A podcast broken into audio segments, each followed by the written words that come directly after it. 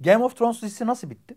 Şehri kuşattığında daha önce kurtarmış olduğu kölelerin zincirlerini onlara mancınıkla atıp sizin için değil, sizler için gelmedik.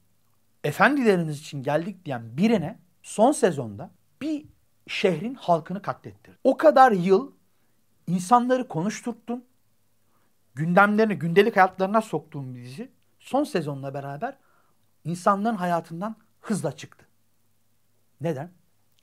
Çünkü her ne olursa olsun, bugüne kadar ne kadar propaganda yapılmış olursa olsun, ne kadar ağır bir propaganda baskısı altında olursa olsun, kölelerin özgürlüğü imgesine bu kadar doğrudan ideolojik ve siyasi bir saldırı insanların yüreklerinde yer etmedi.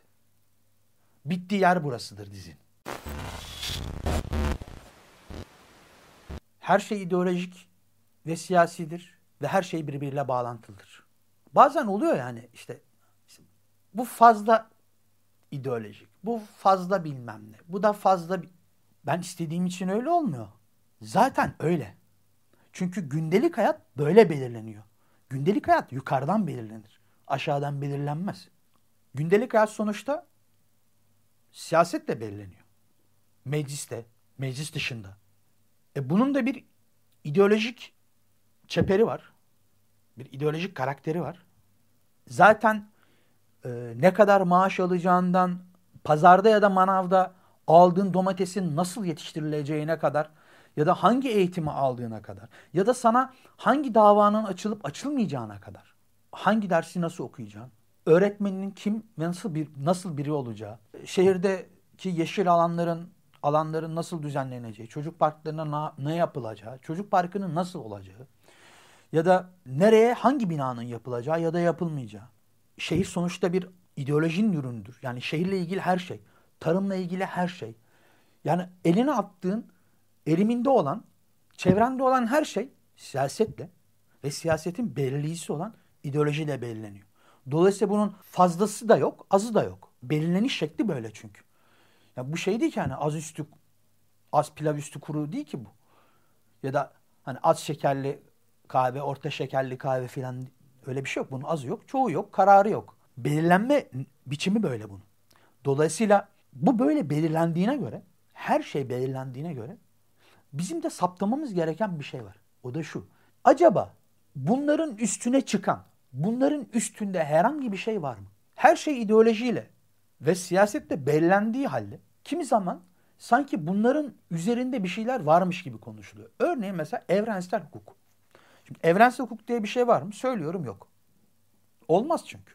Üzerinde konuşulur. Yani ideolojiler üstü, siyasetler üstü bir şeymiş gibi. Her şeyin üzerinde bir hukuk var. Her şey onun altına sıralanıyor diye. Gibi. Tam tersine. Hani bazen liberaller diyor vay efendim siz çok tepeden inmecisiniz. Hayır biz tepeden inmeci değiliz. Biz inşacıyız. İnşa edilir. Neyin neyi inşa ettiğine göre e, konuyu kavruyoruz. Dolayısıyla hukuku da ideoloji ve siyaset belirliyor. Niye bunlardan azade olsun ki? Saçma. Olmaz tabi. Çünkü soru her zaman şudur. Kimin hukuku? Neyin suçu? Şimdi evrensel hukuk diye tabir edilen şey hukuk tekniğiyle ilgili bir şey. Yargılama ve savunma usulleriyle ilgili temel ilkelere aslında bakarsan evrensellik atfediliyor. Yoksa hukukun kendisi niye şey olsun? Bunlardan azad olsun. Bir örnek vereyim mesela. Şimdi sen mesela yine geçmiş pro, geçtiğimiz programdan bir örnek verelim. Kızılderililerin bölgesinden petrol boru hattı geçirmek isteyen şirket ve orada atabilen ya da işte oradaki e, o rezervasyon bölgesindeki Kızılderililer. Bunlar birbirine eşit mi? De hukuk eşit olacak. Şimdi hukuki düzlemde eşitliyorsun. Peki, peki gerçek hayatta eşit mi? Şöyle düşünelim. Bir işçiyle hakkını aramaya çalıştığı bilmem ne kadar büyüklükteki bir şirket gündelik hayatta eşit mi? De biz bunları hukukta eşit olarak kabul ediyoruz. Değil. Demek ki o zaman hukuk da hep birinin hukuku. Çünkü tarihsel gelişimi itibariyle baktığımız zaman da böyle. Mesela şimdi bir örnek vereyim. Dedim ya hukuk hep birinin hukukudur diye. Örneğin parlamento lafı. Şimdi biz bugün parlamento dendiği zaman işte meclisi anlıyoruz. Şimdi parlamento aslına bakarsan özellikle Fransa'dan örnek vereceğim. Çünkü en iyi onu biliyorum da o yüzden. Paris parlamentosu mesela hem bugün anladığımız anlamda bir yasama meclisidir. Yani yasaları yapan bir meclis anlamında. Yasaları yapan meclis değildir aslında da. Neyse hem bugün anladığımız anlamda bir meclistir hem de bir yüksek mahkemedir. Yani bugün aslında Anayasa Mahkemesi Yargıtay'ın görevlerine sahipmiş gibi duran bir yüksek mahkeme biçimidir. Ve yüksek mahkemelerin de en üstünde yer alır. Daha sonra başka yerlerde de parlamentolar kuruluyor Paris'te. Bu ansiyen rejimden, devrim öncesinden bahsediyorum. Şimdi bu parlamentoların, e, bu parlamentolar kralın genelgeleriyle özelgelerinin, özelge konuya da, e, özel e, konuya özel belirlemedir. Genelgede bir konunun genel geçer kapsamı içindir. Bunların düzenlenmesi diğer yüksek mahkemelerle bu konudaki ilişkileri vesaireyi düzenler bu Paris parlamentosu. Şimdi bunun üstüne tek bir şey çıkabilir. Kralın kendisinin kararı. Buraya baktığın zaman bu düzenlemelerde aristokrasinin hükmünü görürsün. Başka kimin olacak? E sonuçta aristokrasinin derken kral da tabii ki aristokrasinin bir parçası. Birbiriyle çatışıyor olsa bile. Bu çatışma kısmına baktığımız zaman sanki bu birbirinden böyle hani ayrı duran bir yapı gibi algılanıyor. Öyle değil tabii. Yani çatışma olabilir. Çatışmaya bakmak sistemi ortadan kaldırmıyor. Sistematik olarak bakmamız lazım. Bu hukuk biçimi neyin sistematiğidir? Hangi var olan uygulamaların üst yapısıdır? Var olan biçimden üst yapıya doğru gidiliyor. Devrim var olan uygulamaların belli bir amaca yönelik olarak üstüne binip onu bu amaca doğru şekillendiren şeydir. Ne demek istiyorum? Var olan şey burayı belirlediği zaman, yukarıyı belirlediği zaman tıpkı Fransız devrimi öncesinde Fransa'daki işte vergi rejiminden tut e, nasıl yargılanacağına varıncaya kadar her şey var olan uygulamaların şekillendirdiği bir ilişkiler ağıydı.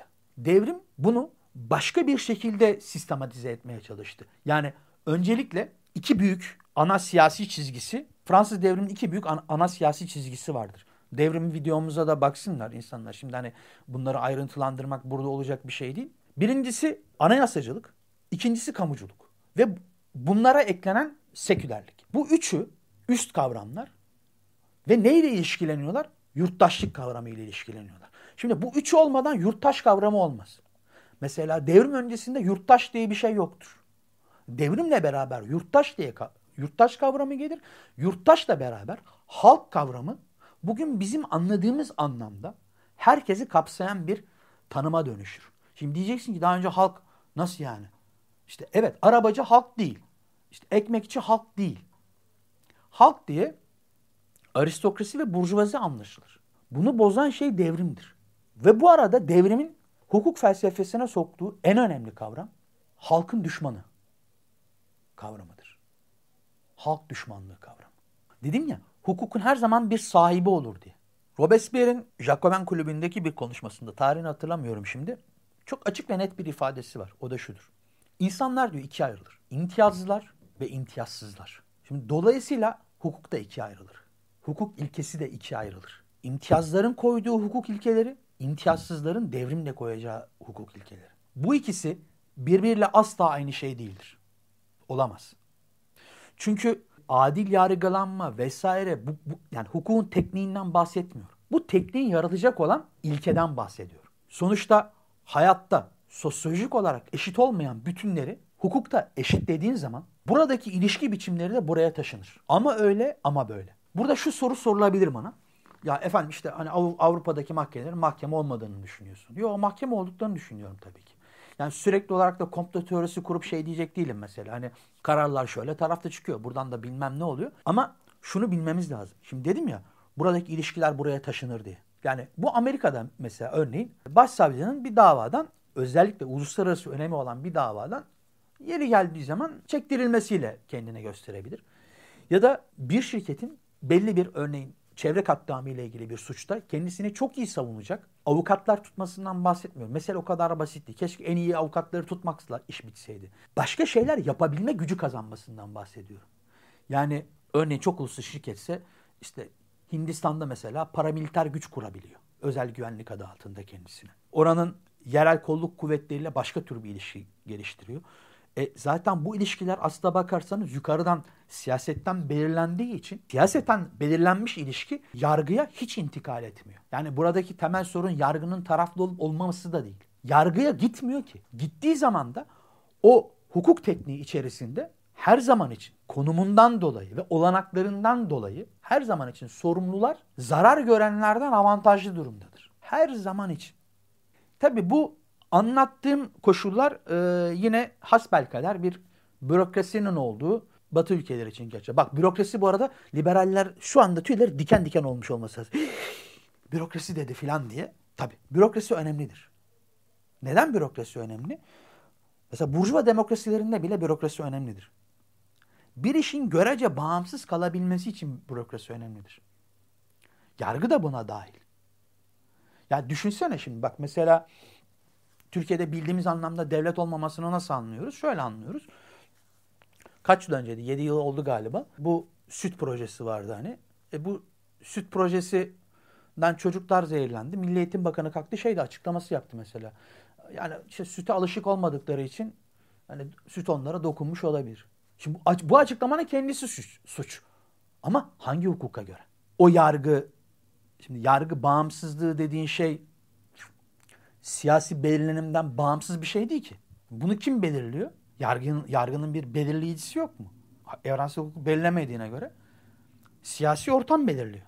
Çocuklarım aç diye bağıran bir baba gözaltına alınıyor. Suçu ne? Meclisin önünde izinsiz eylem. İzinsiz mi? Ya ben aç kaldım. Hani çocuklarım aç. Hani ben bir baba olarak bundan yani ne, ne nasıl ne, ne, ne izni alacak ya? Bak dedim ya. Kimin hukuku? Neyin adaleti? Şimdi suç kavramı bundan bağımsız bir şey değil ki. Bu suç bu suç dendiği zaman çünkü genelde şöyle anlıyoruz bunu. Hani işte hırsızlık mı, cinayet mi, bilmem ne mi vesaire mi diye. Şimdi şablonlar düşünmek için yararlı şeylerdir.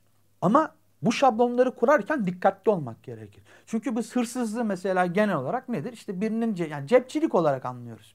Hani pazara gitmişsin bir cepçi varmış senin cebindeki parayı çalmış sen de meyveyi alamamışsın dönmüşsün gibi anlıyoruz. Ya da evine girilmiş evin soyulmuş filan gibi anlıyorsun. Şimdi evet bu bu hırsızlık mı? Tamam bu hırsızlık.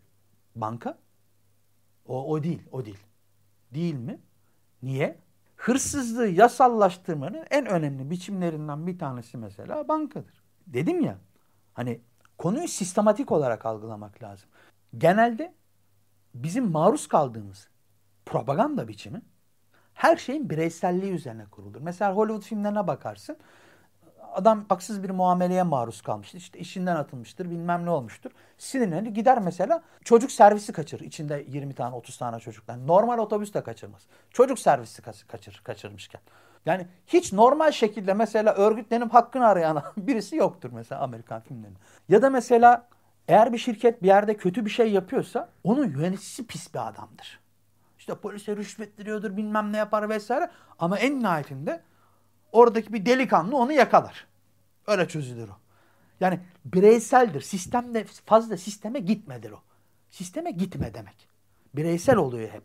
Bireysel bireysel dönüyor. Halbuki benim bizim iddiamız şudur. Sistem insanların hayatlarını bireysel etkilerden kurtarmak üzere kurulu olmalıdır. Şimdi öyle ya şey sorulabilir. Kardeşim sosyalizm olduğu zaman bu yalancı, hırsız, dolandırıcı olmayacak. Olabilir.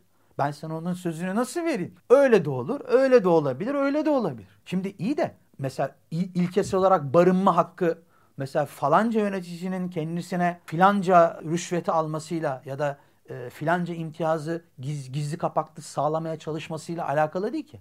Eşit bilimsel eğitim. Bireylerden bağımsız olarak gerçekleşebilmeli. Sistem budur. Şimdi bireyler eğer bireylerin ne yapıp ettikleri yukarıdan aşağıya doğru belirleyici hale geliyorsa ortada sistemden bahsetmek zordur. Ortada o zaman sistem yoktur ama sistem var. Yani kapitalizmin bir işleyiş sistematiği var.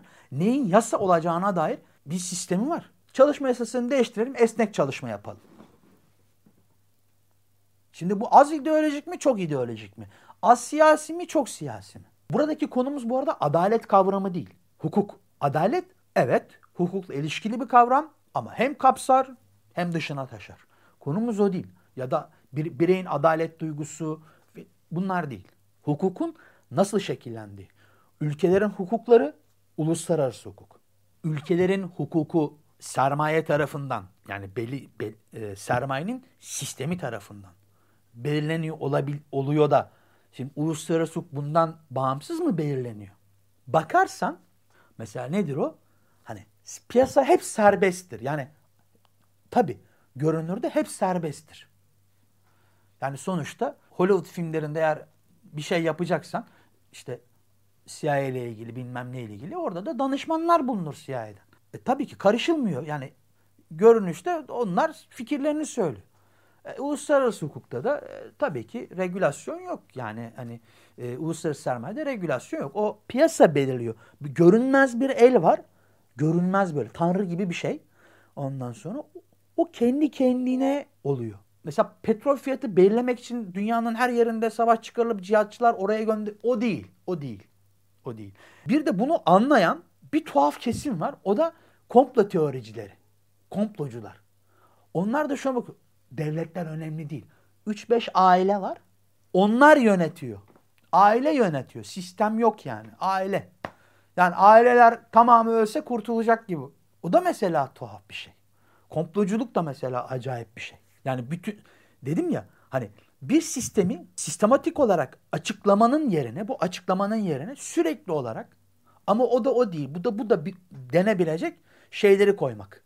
Parçaları koymak. ikame etmek.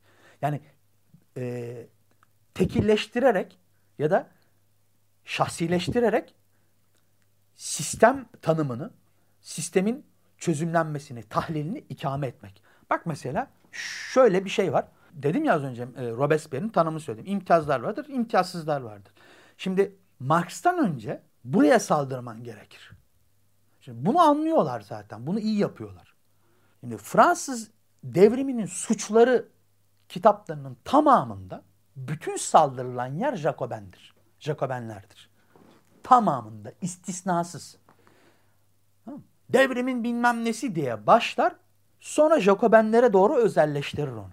Neden? Çünkü daha önceki videoda da hep böyle diyorum daha önceki videoya bakın. Dediğim gibi Jacobenlerin iktidarı bir buçuk yıldır. Bu iktidar dışındaki bütün alan ya gericidir ya uzlaşmacıdır. Ve kavramlar Jacoben iktidarından sonra ters yüz edilmiştir. Şimdi neden Jacobenlere saldırıyorsun?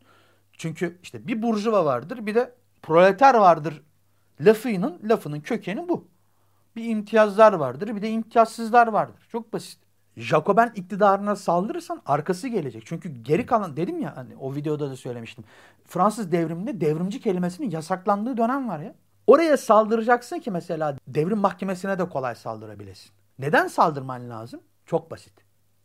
Çünkü halka karşı işlenen suçlar kavramı, kavramı devrim mahkemesinin kurucusudur. Kurucu ilkesidir. Halka karşı işlenen suçlar. Yani aristokrasi giyotine gönderildiği zaman böyle bir çılgınlık içerisinde işte gözler böyle kıpkırmızı yakalanıp yerlere götürülmüyor.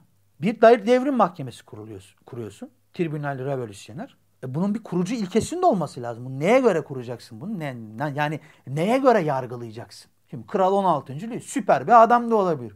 Çok insani, böyle neşeli. E çok iyi bir abi mi diyeceksin? Yani neye göre yargılayacaksın bunu? Yargılamanın bir zemininin olması gerekir. O zemini nasıl kuracaksın? Bugüne kadar halk olarak görmediğiniz ama bu ülkeyi oluşturan geniş yığınlara karşı işlediğiniz bir suç var. O suç nedir? Servet biriktirmek, toprak bilmem nesi, vergi bilmem nesi vesaire vesaire de sayacaksınız. Hukukun ilkelerinin nereden kaynaklandığı önemlidir. O yüzden söylüyorum hukukun sahibi vardır derken onu söylüyorum. Yani hukukun sahibi ne bulmak istiyorsan o hukuku üreten ilkeye bakman gerekir. O hukuku üreten ilkeye baktığın zaman hukukun sahibinin kim olduğunu anlarsın ki buradan da neyin suç olacağını görürsün. Dolayısıyla böyle baktığımızda şunu da cevaplamış oluyoruz. Hani vardır ya canım o da aynı o da aynı. Bunlar da yapıyor bunlar da yapıyor filan gibi böyle bir düzleştirmeci ve hani sorumluluktan ve taraf almadan taraf olmaktan sıyrılmaya çalışan bir tavır var ya onun da önünü almış oluyorsun. Hayır aynı değil ama aynı şeyi yapıyor. Yani hayır aynı şeyi de yapmıyor. Çünkü ilkesi farklı. Çok basit. İlke farklı. İlke farklı olduğu zaman hukuku o hukuku ortaya çıkaracak olan yasalar değişir. O yasalarla beraber suçun tanımı da değişir. Şöyle düzleştirilebilecek yani hırsızın tanımını değiştirecek miyiz? Yeri gelir evet ol bile değişebilir. Şöyle düşün. Şimdi hırsızın tanımını şöyle değiştirebiliriz mesela. Şimdi artı değer kavramından bak. Şimdi artı değeri burada uzun uzun anlatmayayım. O ne ya filan diyen ona bakar artık. Artı değer zenginleşmeye sağlayan şey, servet getiren şey. Şimdi servet suç mudur değil midir? Halkın olacaksa suç değil. Birilerinde birikecekse suçtur da diyebilirsin. Bunun kendisi suçtur. Bu birikimin kendisi suçtur. Anlatabiliyor muyum? Yani o yüzden şahsileştirmeye gerek yok. Geçen programda da söyledim. Yani o nasıl biridir, bu nasıl biridir, o iyi midir, bu kötü müdür gibi kavramların gereği yok. Sistem böyle konuşulmaz. Yani insanların psikolojileriyle, psikolojileriyle de sistem konuşulmaz. İyi ya da kötü gibi her yere çekilebilecek kavramlarla da konuşulmaz. Sistem yapılarıyla konuşulur. Bak mesela az önce dedim ya bürokrasi bir burjuva cumhuriyetinde bile muhakkak gerekli olan şeydir. Belli ölçülerde işlerin yürüyebilmesi, özel bir şekilde yürüyebilmesi için gereklidir dedim ya. Şimdi bu burayı kaldırdığın zaman, bu çemberi kaldırdığın zaman geriye ne kalır? Geriye bir takım çıkar gruplarının birbirleriyle olan ilişkisi kalır. O yüzden diyorum ben bugün mesela hani e, siyaset bilimi açısından Türkiye'de bir devlet yoktur. Anladığımız anlamda bir devlet yok. Çünkü böyle bir bürokrasi yok işleyişin bağımsızlığını ve sürekliliğini ve bütünlüğünü, bütünlük önemlidir. Yani burada ayrı olsun, burada ayrı olsun olmaz. Bürokrasi onu sağlar normalde. E şimdi mahkeme bundan bağımsız değil ki. O yüzden bir devlet yok diyorum anladığımız anlamda. Yani bir burjuva devleti de yok. Öyle bir çıkar gruplarının kendilerine göre siyasi hakimiyetleri ve onların günübirlik ilişkileri var. Yani kimi zaman yer yer çatışan vesaire ilişkileri var. O yüzden sistematik olarak bakmak lazım. Çünkü şu şöyle biriymiş. Aa, bir dakika aslında ben onu tanırım. O da iyi biriymiş.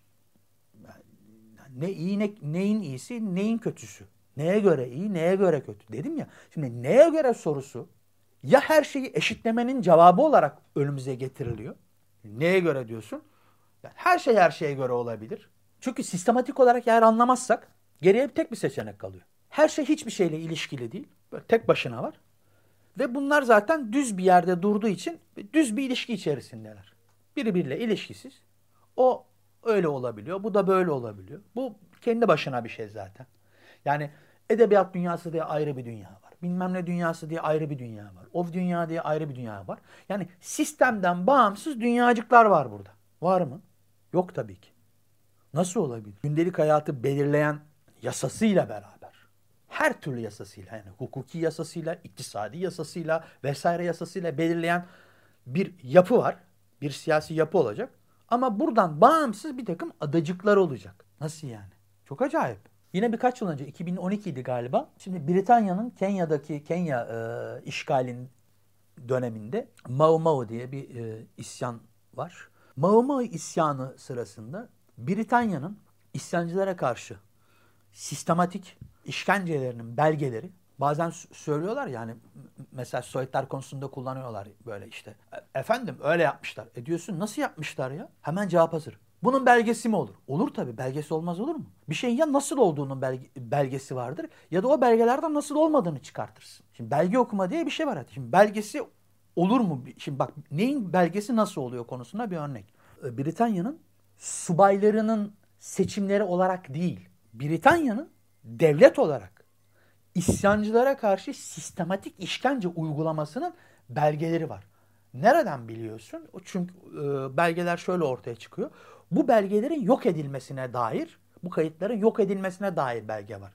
Diyor ki bunları sistematik olarak yani şu şu şu şeyleri yok etmemiz lazım. Şaka yapmıyorum. Bu çıktı haberler Türkiye'de konu olmadı. Böyle şeyler yurt dışına da zaten çok konu olmuyor. E, burada hiç konu olmuyor zaten. Ve bu belgelerde ilginç bir şey var. O da şu deniyor ki Kenya hükümetindeki diyor Afrika kökenleri vesaireleri diyor bu e, belgelerin temizlenmesi işine sokmayın. Olacaksa da muhakkak diyor, yani muhakkak diyor Britanya doğumlu birisi olsun. Britanya doğumlu ve Britanya'da eğitim almış olan birisi. Bu ne demek? Aslında devşirdiğimiz biri olsun demek istiyor belgelerin yok edilmesinde. bazı şeylerin belgesinin yok edilmesinin belgesi mi oluyor? E, oluyor işte bak oluyor. Olmaz olur mu? Ve sistematik bir şey bu. E, bak işkenceyi sistematik uygulayan Kenya'da bir Britanya var. Devletin, Britanya devletinin bu isyanın bastırılması için, bastırılması için yöntem olarak benimsediği bir şeyden bahsediyoruz. Sistematik. Yani o ama çok kötü biriydi. Çok kötü değil. Sistematik. Bu sistematik. Her şey sistematik. Bir şeyin sistematik olup olmadığını nasıl anlarız? Bakarız. inceleriz. Bu gerçekten birinden mi doğuyor? Yoksa burada uygulanan bir yerleşik bir uygulamam var. Şimdi mesela yine Fransız devriminden örnek vereyim. Devrim mahkemesine karşı bir şey söyleyeceksin. Şimdi yani Jacobenlere karşı bir şey söyleyeceksin. Şöyle yapıyorsun onu. Bir tane olayı alıyorsun. Sonra o olayda hakim şunu dedi. Şöyle dedi diyerek bak gördün mü? Jacobenler de aslında böyleymiş. E şimdi o onu demiş. E, o zaman bunu da alırsın. O, o zaman da ona göre Jacobenler böyle diye tarif edersin. Şimdi sistematik eleştiri ya da sistematik yaklaşım böyle bir şey olmaz ki. Bu genel geçer bir hal almış mı? Buna karşı ne yapılmış? Ya da ne yapılmamış? Bunlara bakılması gerekir. Yani dolayısıyla hani ben mesela burada hani bir olaydan örnek verdiğim zaman o olayın kendisine özel vermiyorum ki. Diyorum ki hani böyle bir sürü bir sürü olay var. Bunları 100 tanesi arka arkaya koymayalım. 100 tane bir şey yapılmamasını ya da şöyle yapılmasını arka arkaya koymayalım burada. Ama bak bunların böyle böyle böyle olması şunu yaratıyor. Şimdi sistematik bakışı böyle kurmamız lazım. Yoksa diğer türlü bugünkü siyaset biçimi gibi acaba Ahmet'in dediğim mi sorunlu, benim dediğim mi sorunlu? O abi aynı yerde bulunuyorsun siyaset açısından. Robespierre'in bir lakabı var. En korruptible. Şimdi bunu kelime manasıyla alırsan yozlaşmaz demek. Şimdi yozlaşmaz yani rüşvet almaz anlamında mı? Şimdi bunun siyasi anlamı şöyle bir anlam. En korruptible kelime anlamı yani sözlük anlamı yozlaşmaz demek. Halkını satmaz anlamında. Kelimelerin her zaman siyasi anlamları vardır. Korupsiyon, korupsiyon yani yozlaşma denen şey burjuvaziye ait bir kavramdır. Halkın olması gereken şeylerin ele geçirilmesi anlamını ifade ediyor. Yozlaşma budur. Rüşvet aldı almadı teknik böyle bir takım hukuki teknik terimler değil bu. Öyle bir şey değil. Onla, onlara bağlı bir şey değil. Yani rüşvet almıyorsa yozlaşmamıştır. Rüşvet alıyorsa yozlaşmıştır. O değil. Durduğun yer. Halkın olması gereken şeylerin şeyleri ellerinde bulunduranlar yozlaşmıştır. Dolayısıyla, Robespierre'in lakabı en korruptif o safhaya o o o safa yani o saflara geçmez demek. Bu da ne anlama geliyor? Halkı satmaz. Halkını satmamak ne demek? Her zaman için o yaptığı basit ayrımda durmak. Bir imtiyazlar vardır, bir de imtiyazsızlar vardır. Şimdi hayatımızı belirleyen ideoloji ve siyasetin tanımları çok basit aslında. Fakat arkadaki tarihi tartışma ve felsefi tartışma çok büyük. Bazen onun ağırlığıyla bugünkü sonuçları birbirine karıştırmaya başlıyoruz, kafamız bulanıyor. O yüzden diyorum sistematik olarak tahlil etmeye kalkmak kafamızın bulanmasını ve bugün hayatımızın hangi ilkelerle şekillendiğini görmemizi sağlar. Şimdi Game of Thrones'la başladık. Game of Thrones'la kapatalım. Victor Hugo Re Blas adlı e, tiyatro eserinin başında bir e, drama nedir ne değildir e, derken çok önemli bir saptama yapar. O da şu. Der ki ola, olasılıklı olanaksızlıklar olanaksız olasılıklardan her zaman daha iyidir. Çünkü bir olay bir yere gitmiyorsa ya da o dramanın karakterleri bir yere gitmiyorsa kimi zaman der yazarlar olanaksız olasılıklarla konuyu bir yere vardırır. Bu der işte dramanın dramanın çöktüğü yer. Tam olarak çöktüğü demiyor da hani ben şu anda aklıma gelen şekline söyleyeyim. Her şey her şeyle bağlantılı. Game of Thrones'un Victor Hugo'yla ne ilgisi var? Victor Hugo'nun dramayı nasıl tarif ettiğiyle ilgisi var. Ve bugün kölelerin kurtuluşu imgesi ne son sezondaki saldırısıyla insanlar tarafından nasıl unutulmuş olduğunun ilgisi var.